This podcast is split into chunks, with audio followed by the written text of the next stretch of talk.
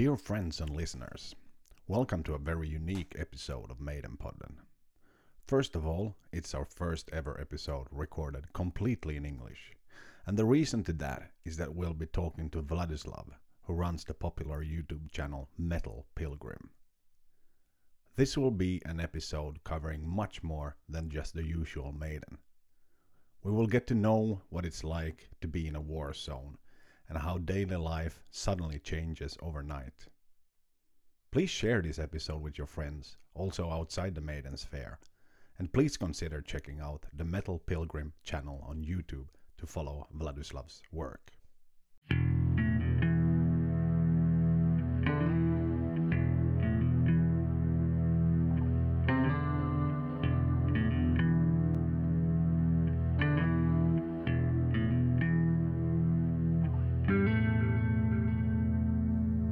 Maiden Podden are extremely proud, humble, and honored to be able to have the possi- possibly our most exciting guest ever on our show.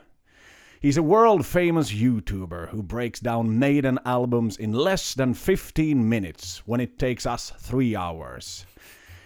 He's had metal gods on his show, including Mr. Rob Halford, from the bottom of our hearts. Please welcome, directly from Kiev, Ukraine, Metal Pilgrim. Hey guys. Welcome. Hey guys. It- Wow, nice to have you. it- wow, guys. It- it- it's an honor. I, I hope no one is gonna be see me seeing me because I'm I'm flushing right now. but uh, I, I'm super honored uh, that you guys invited me here. Um, thank you very much. Uh, I hope it's gonna be fun. I'm I'm sure it's gonna be fun. Yeah, Yeah. of course. It's just a discussion about Maiden and music and metal and yeah, it's already fun. yeah. yeah, of course. Hey, And everything. how has your day been, Vladislav? Uh, it's uh, um, it's good. It was uh, very close to a, a normal day. I mean, as you guys know, there's a war going on in my country right now. So usually my day, these uh, you know, this about three months would. Uh, would include a lot of volunteer work, you know. But today I wasn't. Uh, I I didn't go to a warehouse, uh, you know, where I help out. I was just helping out online, uh, you know, just figuring out logistics on how to bring stuff in from Poland to Ukraine. But uh, other than that, it was pretty normal. I actually I actually went to my mother's-in-law's and uh, house, and uh, you know, and uh, had some good food. So you know, I can't complain. Nice. Yeah. And you and you're in Kiev right now. Yes, yes. I am back home in Kiev. We just returned uh, a week ago. Uh, and uh, it's From where? from all right so we've been oh my god uh, we moved eight times in the past three months uh, with the family because we had to wow. of course you know when the big war has come uh, we were caught in uh, on a ski retreat actually uh, you know in Bukovel with the family. After that we moved to Lviv and then been moving their apartments quite a lot. I have two daughters so we were moving together and uh, I had to stay in Lviv for for the past month and a half at least because I do have a warehouse over there. Uh, you know, one of the warehouses uh, over there, and uh, and now I came here to to help out establish one in Kiev as well, and uh, you know to figure out logistics uh, from over here because it's it's located in the center of Ukraine, so it's a little bit easier to you know deliver goods to the front lines now. Yeah. What sort of goods are they? Um, Oh man, that's everything. I I can show you. I have some bulletproof uh, vests over here. Uh, you know, some helmets, uh, some thermal visioners, drones. I mean, stuff I would never, never, you know, expect to have in my home uh, before three months ago. But um, and it is what it is. You know. Is that like the the international shipment starting to come in? Or Yes, yes, work? of course. Uh, so I mean, the international community has been amazing. Thank you, everyone, so much. Uh, you know, for all your support and help.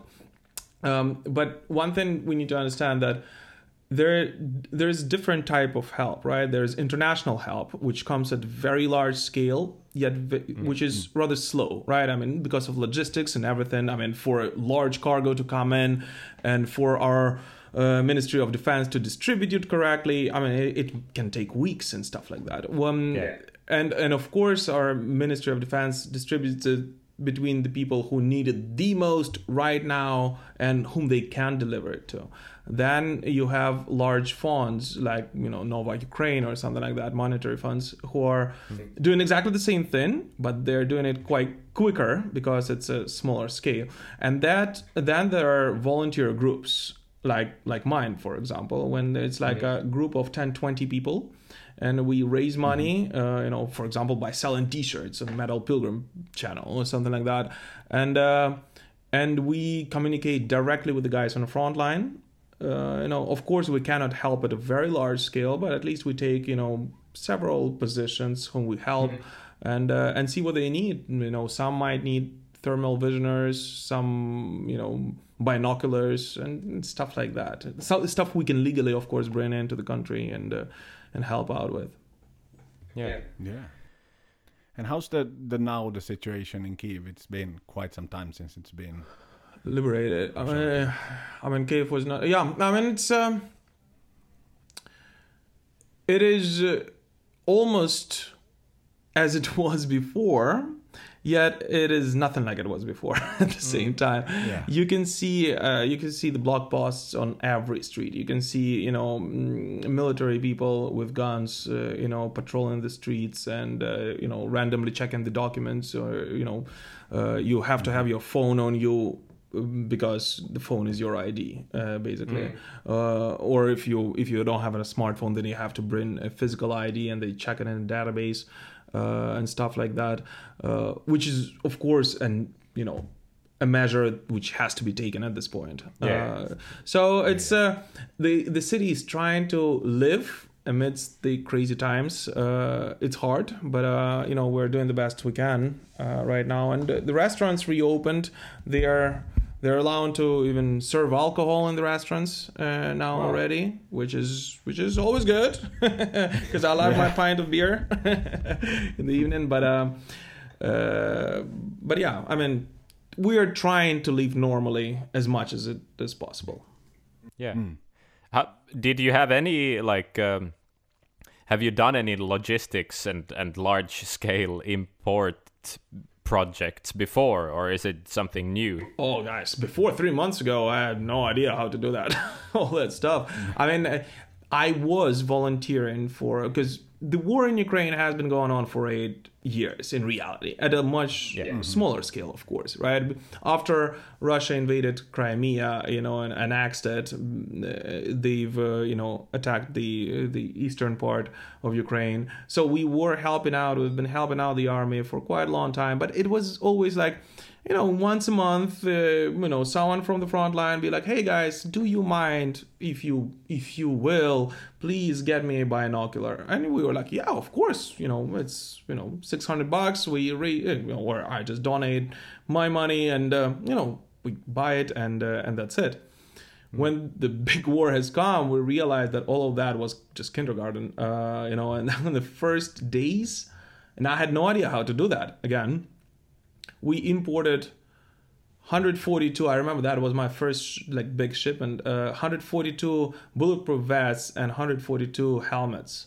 And uh, each of them we bought them at super cheap you know they gave us amazing discounts and everything but we bought the the two the the basically the uh, the helmet and a vest for like 500 euros or something like that. But it was still a lot of money. I mean of course i, I couldn't just like here you go here's a hundred grand for you uh, you know stuff like that. Uh, so people were amazing uh, people started donating money. People who knew me of course uh, people who had no idea who i was uh, and then i still borrowed 40k from a guy in the us who was also amazing about that. Um, and then i was able to give it back within like three days uh, or something like that. Because uh, because a company, my company, the company I work for, they were like, okay, we'll we'll pay for that, and uh, so everyone is like, there there's there's this feeling of unity, and everyone is doing you know the little or the a lot what they can, uh, each of them to help, right? I mean, and it it is it is, it is just wonderful. I mean, even from these T-shirts, I don't know if you guys know, I'm, I'm actually wearing one. The Yeah. T-shirts where you know I'm selling on my channel, you know, which is you know I think at the scale of war, it's nothing, right? But uh, but with the these t-shirts we were able to get what was it? Three thermal visioners already. And some guys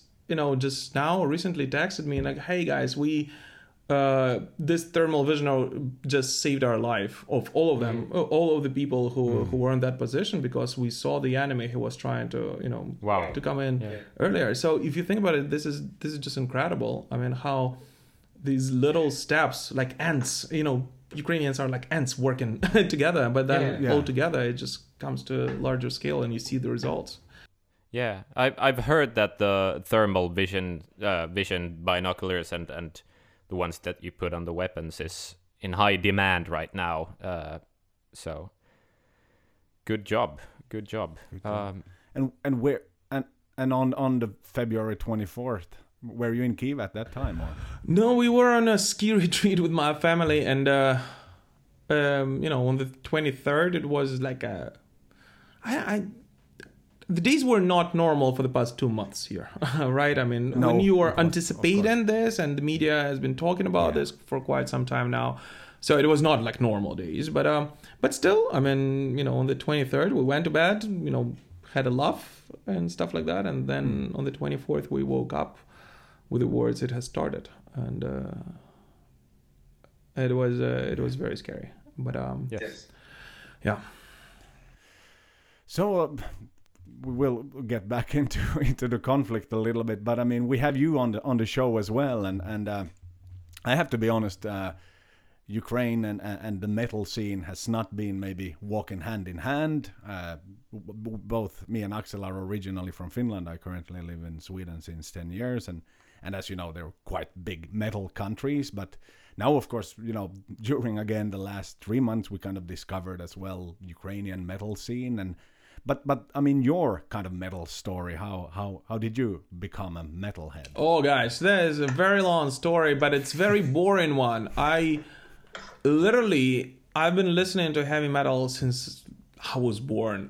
it's, it's it sounds very weird, but uh, my uncle was a huge metalhead. My dad, who passed away uh, two years ago, was uh, you know he was always into Metallica and uh, stuff like that. So you know i've been listening to at least some kind of rock heavy rock uh, heavy metal and st- stuff oh wait can you guys hear me Oh shit!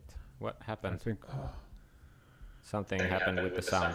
uh, so Yeah. so sorry about that No Uh, problem. I'll- Yeah, we hear you again. yeah so i've been listening to rock heavy rock hard rock heavy metal or some sort you know for as long as i remember myself my weird phase i, I, w- I was into hip-hop for like half a year when when i was 12 but i i tried to not you know to try not to not really talk about that phase Yeah, yeah. So, so that was the one. That was when you revolted against your dad, sort of. That's weird. But then I realized that I don't really like that music. I mean, like I was just doing it just because you know everyone was doing it, so I wanted to fit in. I feel like, but um, Yeah. But uh, so, so so the Tupac T-shirts are back in the warehouse now. I never had even one.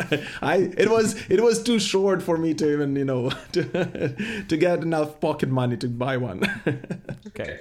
But do you remember sort of like do you have a first favorite band or something? Like or or is it hard to even sort of I mean, I know, I- pinpoint? it's it's it's easy. I was um, I always was a huge Metallica fan when I was growing up. Uh, a huge Metallica fan, and it was my you know the the band I listened to you know the most. I think when I was teenager. Um, and Was I it the early stuff? what Was it the early stuff? Or? Yes, I mean when I was growing up, especially, you know, that was like the stuff, the, the stuff uh, that my uncle would listen to, and then uh, and then Iron Maiden. Uh, but the problem with Iron, not the problem, but the thing with Iron, uh, with Iron Maiden for me when I was growing up, when I was like, and I'm talking about when I'm like 10, 13, 14 years old, right? Um, I did not have all of their albums. And with Metallica, I had all of their albums because my uncle had them.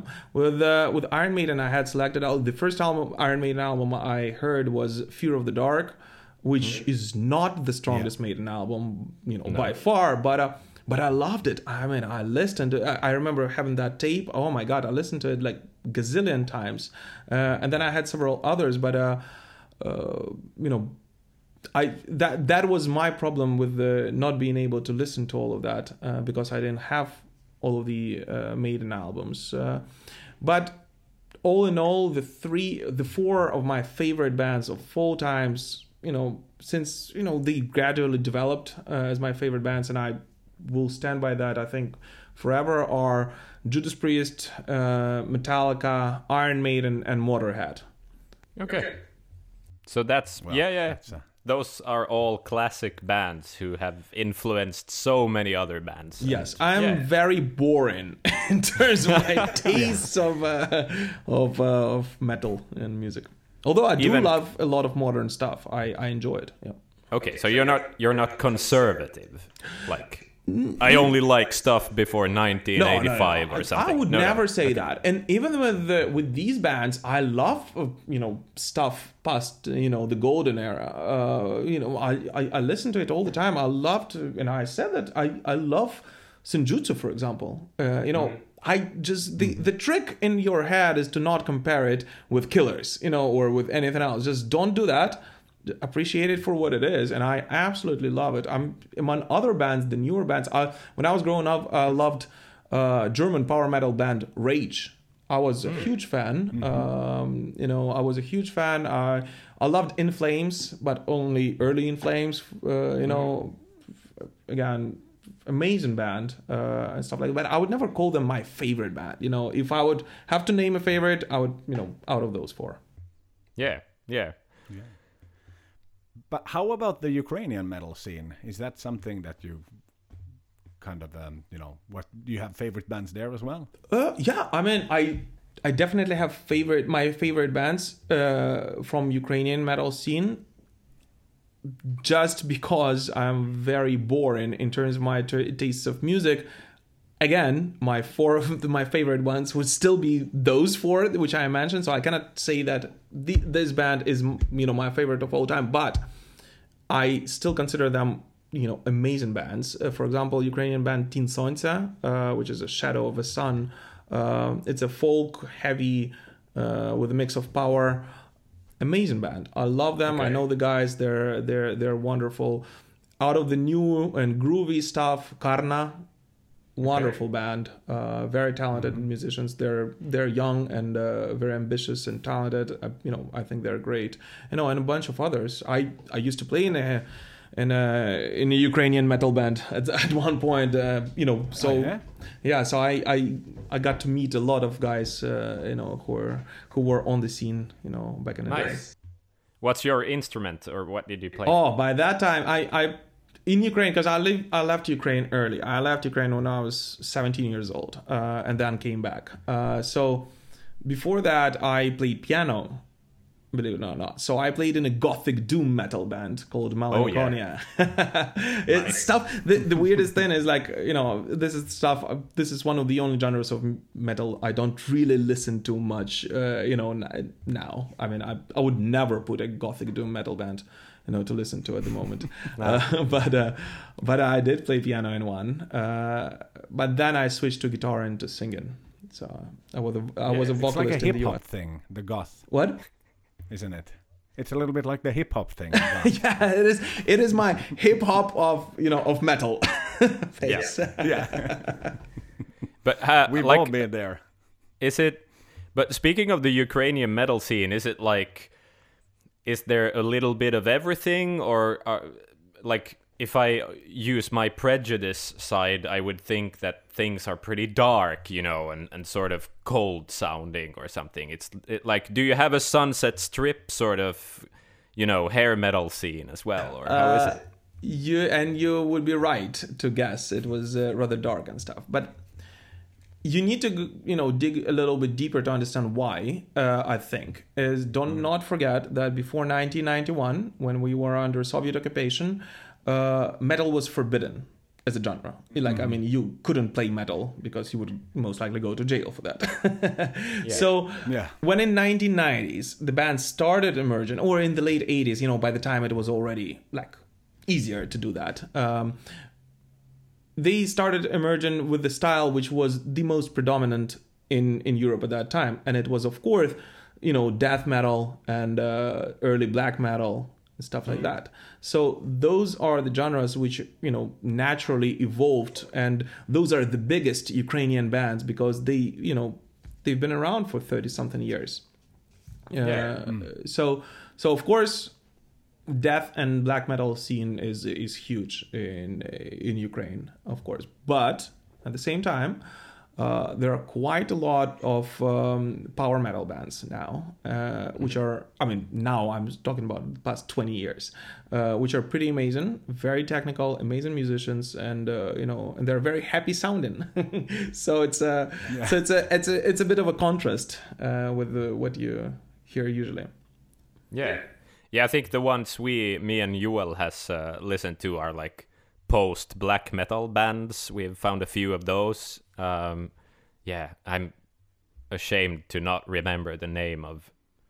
White Ward is one. White of them Ward was really one of them, yeah. because they're mixing mixing a lot of interesting like elements into into kind of a more blackened metal. They're from Odessa. Okay, I, I have to listen to them. I mean, out of the ones which, if you like older stuff, which you have to listen to is Drudkh. Uh, they're Ukrainian. They're they're very atmospheric. Uh, He is very atmospheric and uh, amazing.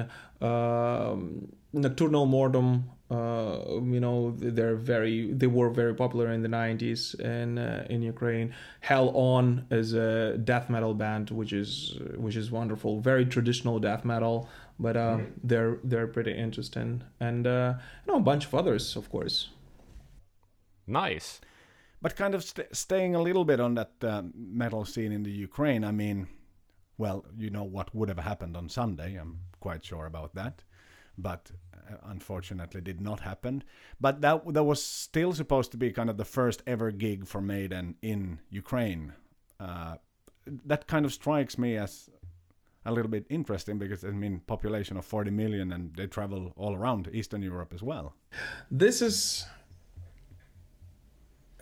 Okay, so this is a very touchy su- subject, of course. Yes, uh, for those who who do not know, on Sunday, uh, Maiden were supposed to come for the very first time to Kyiv, Ukraine, and uh, I was actually, you know, going to make an in-person interview with the guys and uh, and uh, make a, a little documentary about uh, and about their stay in a city, especially because it was a Kyiv day. Uh, you know, we celebrate birthday of Kyiv every uh, every last uh, weekend of of May.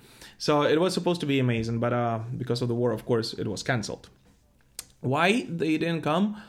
I have no idea. I, I know that once the the uh, the concert was scheduled, and uh, you know, and um, but it was cancelled for some reason. I have no idea why. But the thing is, and once again, because of the history, in the 1990s, when the Soviet Union broke up, uh, you know, we had nothing. Literally, we were unfortunately extremely poor and no one would be able to afford a ticket uh, to go see maiden uh, and of course maiden weren't experiencing the best uh, you know uh, the best times uh, at that point and then uh, But they in went the everywhere with Blaze. yeah and in the Even to Malta. and in Even the Malta. what yeah. Even Malta. Even yeah but in the 2000s in the 2000s um, ukraine our promotion you know our promotion companies they broke away from uh, from from russian promotion companies most of them and uh, they didn't you know join together with the rest of the european ones with the rest of you know in european union. So that was a very dark time for ukrainian metal scene because because there was basically not there were not enough companies who would be able to organize this kind of thing uh, because of the politics basically. And uh, Yeah. and another thing is that bands would need a lot of extra documents to come in to play in Ukraine at that point. So just no one bothered uh, I'll- uh, almost no one. Uh, There are bands who've been touring Ukraine for for a very long time. I mean, I saw Priest on their reunion tour and and stuff like that. But you know, some bands, some others just didn't bother.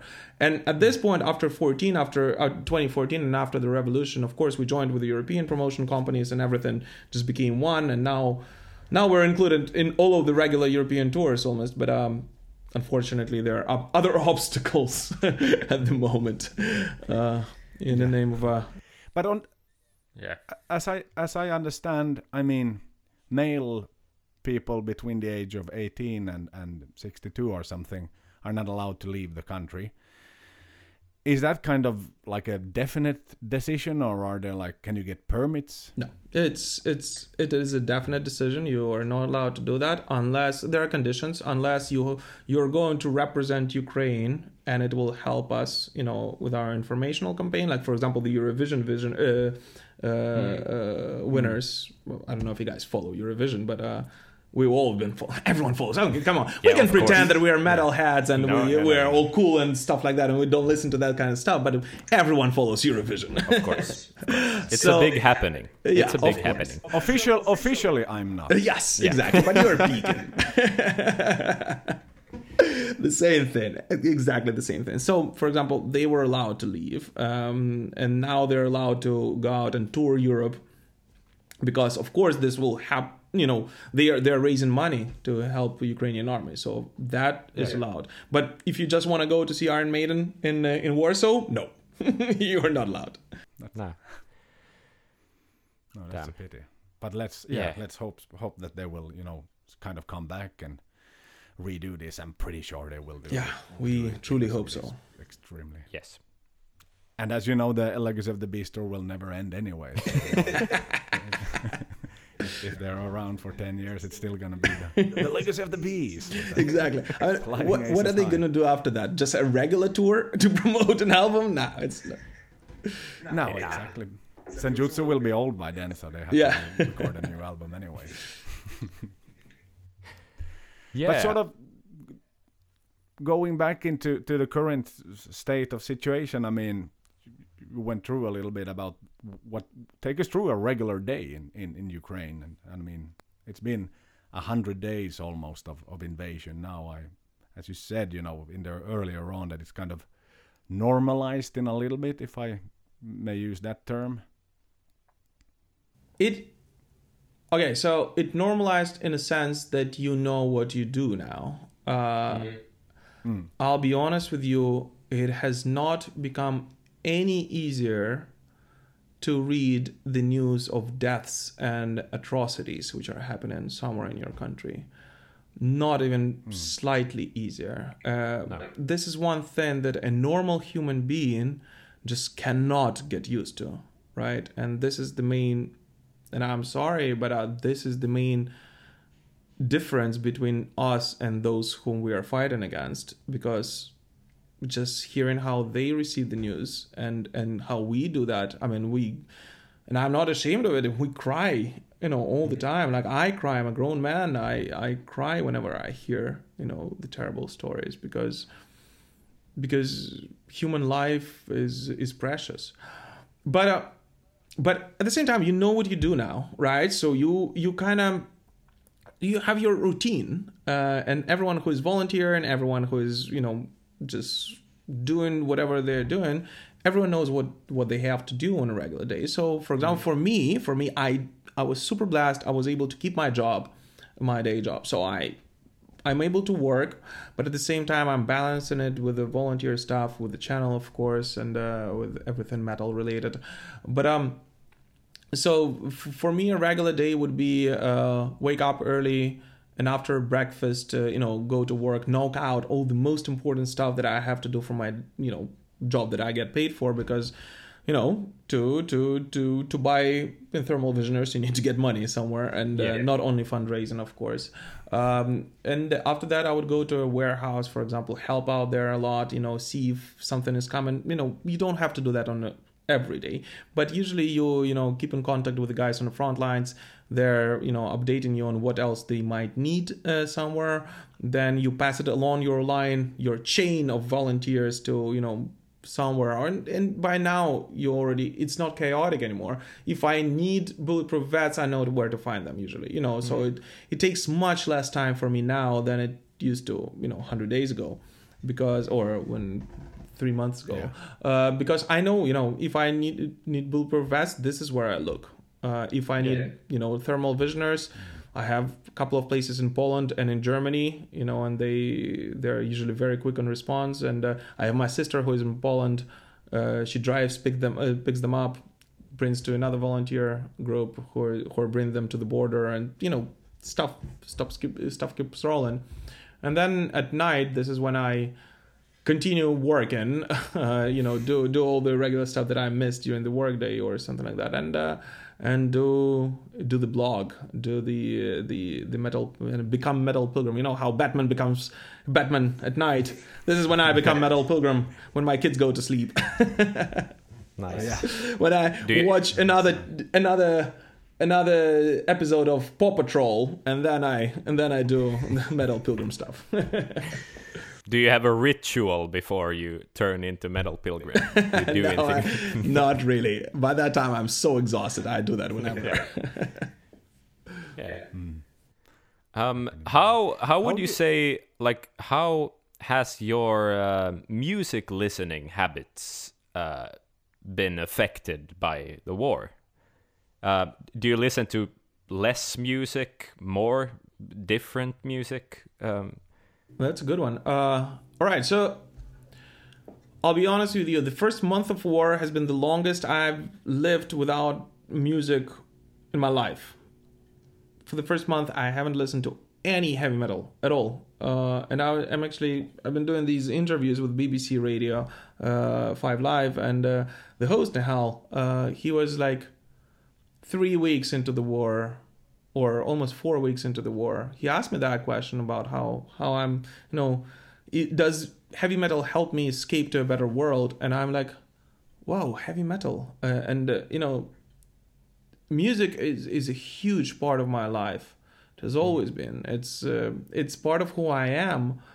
And this is what the war also does to you, right? You you kind of forget who you are. Um, but after that, I you know, I deliberately started dedicating at least 15 minutes a day to just listen to music, and it I realized that it helps me a lot because you kind of disappear into this better world for for a moment, and uh, and it's better. So now it's. Uh, the habits are not back to normal right for example i you know i've been listening to a lot of new music because i I've been trying to push myself to listen to new music, and especially since I'm receiving you know albums usually from labels uh, before mm. they come out. So i would i would listen to some new bands and uh, and enjoy them before the war. Um, you know trying to broaden my horizon so i'm not that you know boring old uh, metalhead who is not even yeah. old. That's the worst part.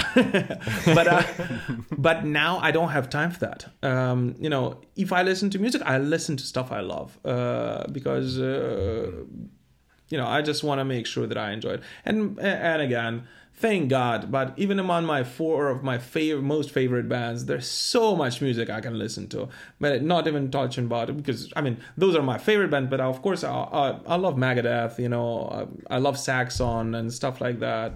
Dio, Ozzy. So I would listen yeah, yeah. to those as well. But I yeah. I started listening to less new music, which I hope will change uh, sometime soon as well. Yeah. You turn to the ones you know you love. Yeah, because I don't want to waste my time at this point. You know, I I don't have that much time to listen to to music at, at the moment like I used to uh, before, and uh, I kind of, you know, I, I, would listen. I would put something new, mm. um, but but I'll be honest with you. If I don't like it, uh, if it doesn't, you know, catch me after two minutes, that's it. You know, I'm sorry. I'm I'm skipping. Uh, you know, going back to the stuff I love. yeah, yeah, yeah, yeah. You're going uh, like once this uh, horrific war ends, you'll come out at the other side as a more rough critic or something. I don't know. Yeah. Most likely, actually, yeah. yeah. I, I, you know, if before I was like, oh, this is okay, this sucks, but you know, this is a very nice passage. Now it's like, no, no this just sucks. I mean, don't don't waste my time. yeah, yeah, yeah. yeah that can be a good thing. Like uh, you know, broad horizons and and sort of uh, open ears and stuff. But you know, sometimes it, there's so much music out there, so you know, you need to you know different differentiate the bad stuff from the good. One thing natural.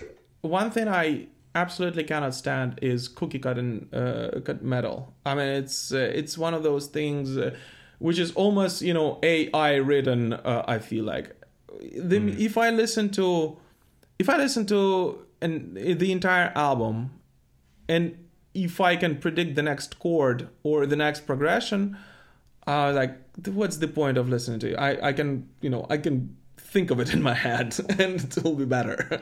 yeah. yeah especially with like younger american bands there's and british bands as well canadian yeah but the sort of that they grew out of the metalcore sort of very formulaic you know uh, corporate sort of metal it's uh, yeah it, you it, it gets boring pretty fast It Yeah. does, yeah, it does. And I mean, you mentioned the BBC, and and we heard some some rumors that you had a bit of a special birthday together with Yeah. them. Would you would you like to?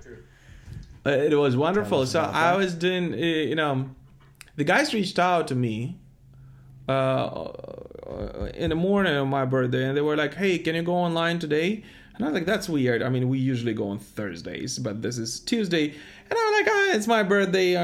I wanted to say no, by the way. I was like, no, I know what. I'm, I'm too lazy to do. But then I was like, oh, come on. This can help Ukraine also, you know, by promoting stuff, keeping it up and the, the information about it. And then uh, we were talking, talking, and then out of the blue, Hal just like, hey, man, I, I, I want to listen to some music. And he just like puts uh, I Want to Be Somebody by Wasp. And I was like, Okay. and uh, and he started uh, started asking me about like what wasp means to me, and I you know and I spoke about what Blackie Lawless's story means to me as a human being, as a you know as a Christian, and uh, and then in the middle he just like stop interrupts me and like be like, you know what, shut up, I. Someone wants to greet you, and then uh, basically we chatted with, and it was Blackie Lawless for whom it was 3 a.m. Uh, in LA, and he he stayed up to basically greet me uh, with my birthday uh, while we were on air with BBC Radio, and uh, the entire basically Britain was listening to it. So it was it was amazing. It was wonderful. Once again, thank you so much, Blackie, for doing that, and it it was it was wonderful. Thank you, Nihal, and everyone at BBC. I was like, I couldn't believe my ears. Uh, you know, it's happening. It's uh, it's also very unpredictable. You know, one thing is when you prepare for an interview with someone, you know, I'll be honest with you, when I was preparing for an interview with Rob Halford, I haven't slept for like three nights because I was like shaking, you know, and I, it, it's, I mean, it's my rock and roll hero. Um, but then you know what you expect. You have your list of questions, you, you're well prepared, you know, you're ready to have that conversation Yeah, when someone like you know like Blackie Lawless calls you up and you are on air and you know everyone is listening to you and the host uh, who is a super popular dude just like gives you hey you know what just chat about whatever you guys want to uh, like that's that's this is slightly different that's a that's another level no i mean your pulse must have been quite high like yeah I would yeah. have blacked out like completely. I would have had had words. Wow. I think I did for a moment and they never actually told you about this beforehand, so it No. was it came as an actual surprise. no it came just like I found out about it you know But just when if you would've- uh, when Blackie said I am or whatever he said and greeted me with my birthday. wow. And I'm that's so happy you, fantastic. I'm so happy you actually like Wasp and Blackie, but imagine the other way around. It's like, "Ah, yeah, I really hate Wasp, but uh, fucking American No, that was a- posers. Uh, yeah, yeah, yeah. Uh, uh, so it was a it was a risky because I never spoke about Wasp on on the show, mm. right? I I never did, mm-hmm. but I will. I will. I promise. Crimson Idol is about to turn thirty, and I still think it is one of the greatest albums you know ever written. Just how cohesive it is. It's it's unbelievable. It is um it, it is just an amazing album. So I'm I am going to this spoiler. I am going to dedicate a special episode to it. Uh, you know, and uh, and to Wasp and Blackie Lawless overall. As as you should. As you should. Wow. Okay. Um, I've never had a birthday like that. no, Not yet. So i someone listening, like, make it happen. when is your birthday? Come on. 8th of August. all right, all right. It's easy to remember. Yeah. Um, eight. Yeah, and ours are even easier. I think.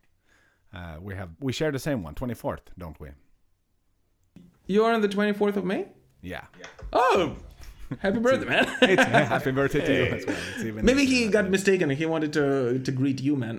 yeah. I kind of find it hard to believe though.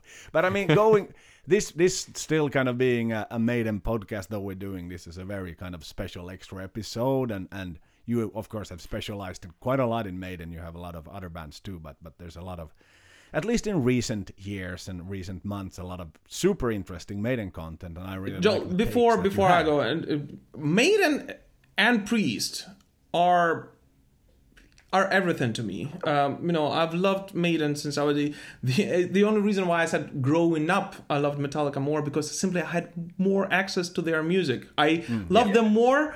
Okay, so more in terms of amount. I just had more to love because I I knew seven albums and of Iron Maiden I only had 3 I think when I grew up. And then when I finally, you know, made some money and I bought it, you know, that's when I was like, "Oh, okay." And that it. was and that was Fear of the Dark, and which were the other? It, it was Fear of the Dark. I had Powerslave, and I had No Prayer for the Dying, which wasn't the best again, but I still loved it. And I had this is a very weird thing, but I had a half of Iron Maiden because I I had a cassette with only one side.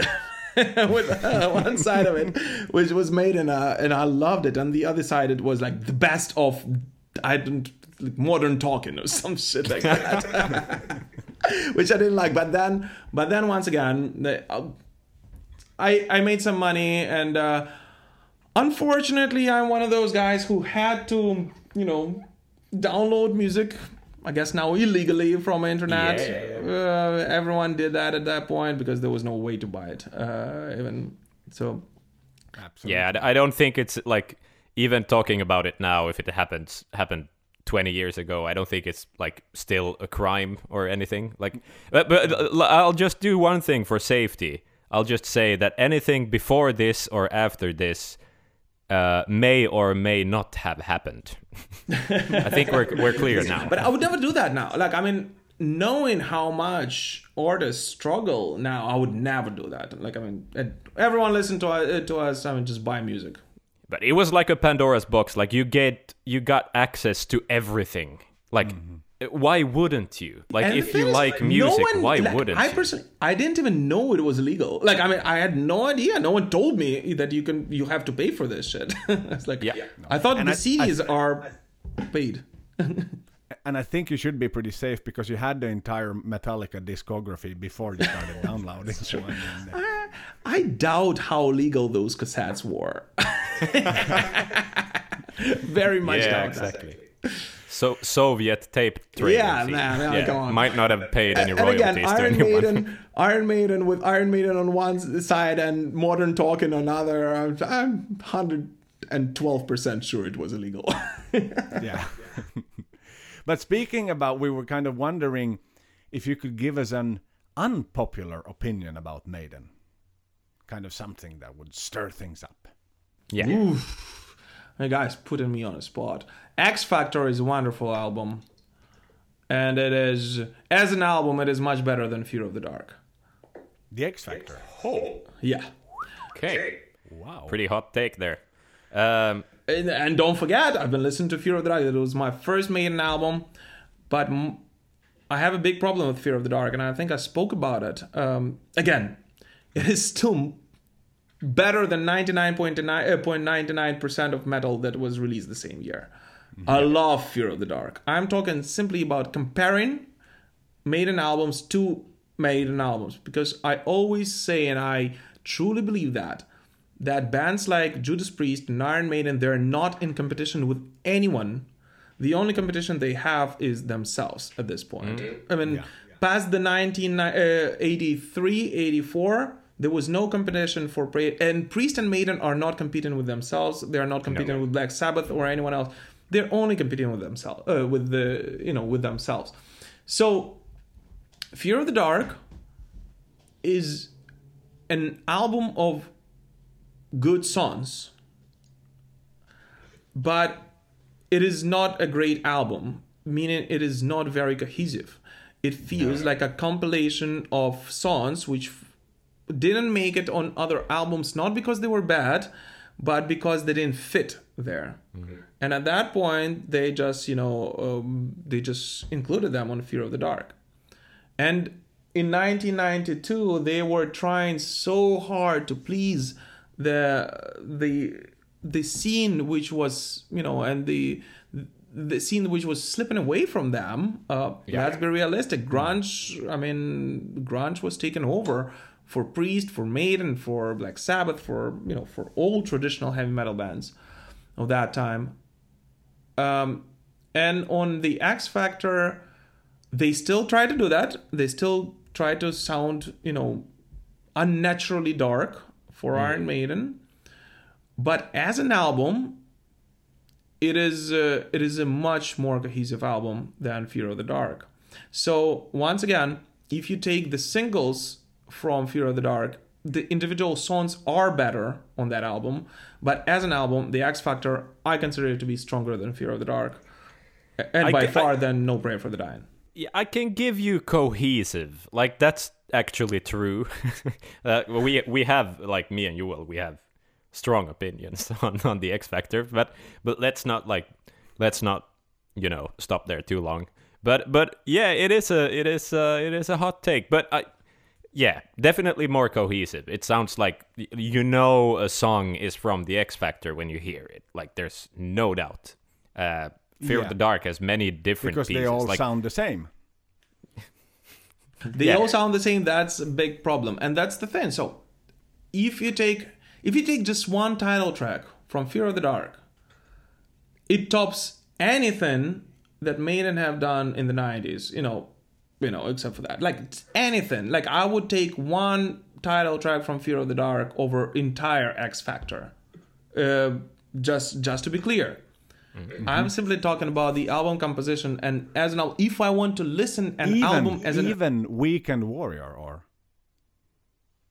oh my god, I, you had me there for a second. no, but uh, but uh, the thing is, if I want to listen to an album, and I don't usually do that, but if I want to listen to an album, Fear of the Dark is uh, there is a very little chance I would put Fear of the Dark uh, as an album and listen to it in its entirety. There is a much higher chance I would do that with X Factor. Okay. Okay. Okay.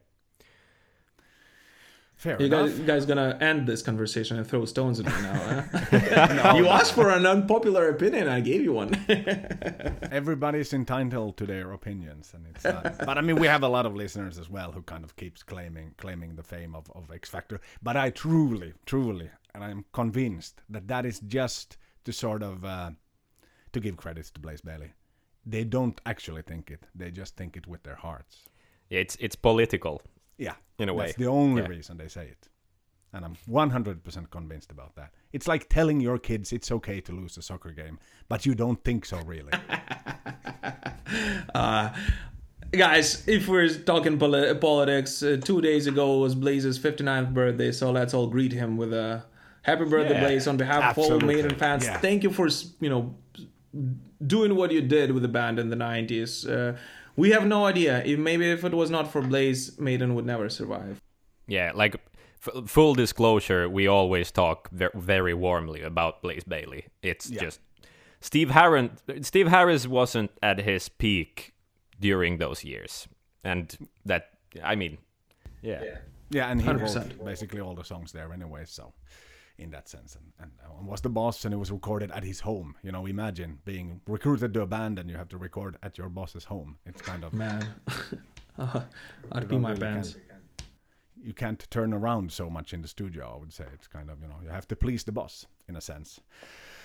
But uh, yeah, cool. Uh, anything kind of one one thing I would still again this is also as you probably understand it's a, it's a way for us. We've been quite engaged in the war. We've been posting about it every day. We got some you know money fun- funding and stuff like that and we received a lot of fundings and now kind of of course we it's going into a little bit more i would say geopolitical terms especially in the news over here you talk about you know of course the oil embargoes and but it's i would say more on a sort of a well 100 days in the news you can sort of a little bit imagine. But but what we are trying to do is really like we don't want people to forget what's happening in Ukraine. And, and is there something that you you know I don't know would like to say that kind of brings us back into to being with you here?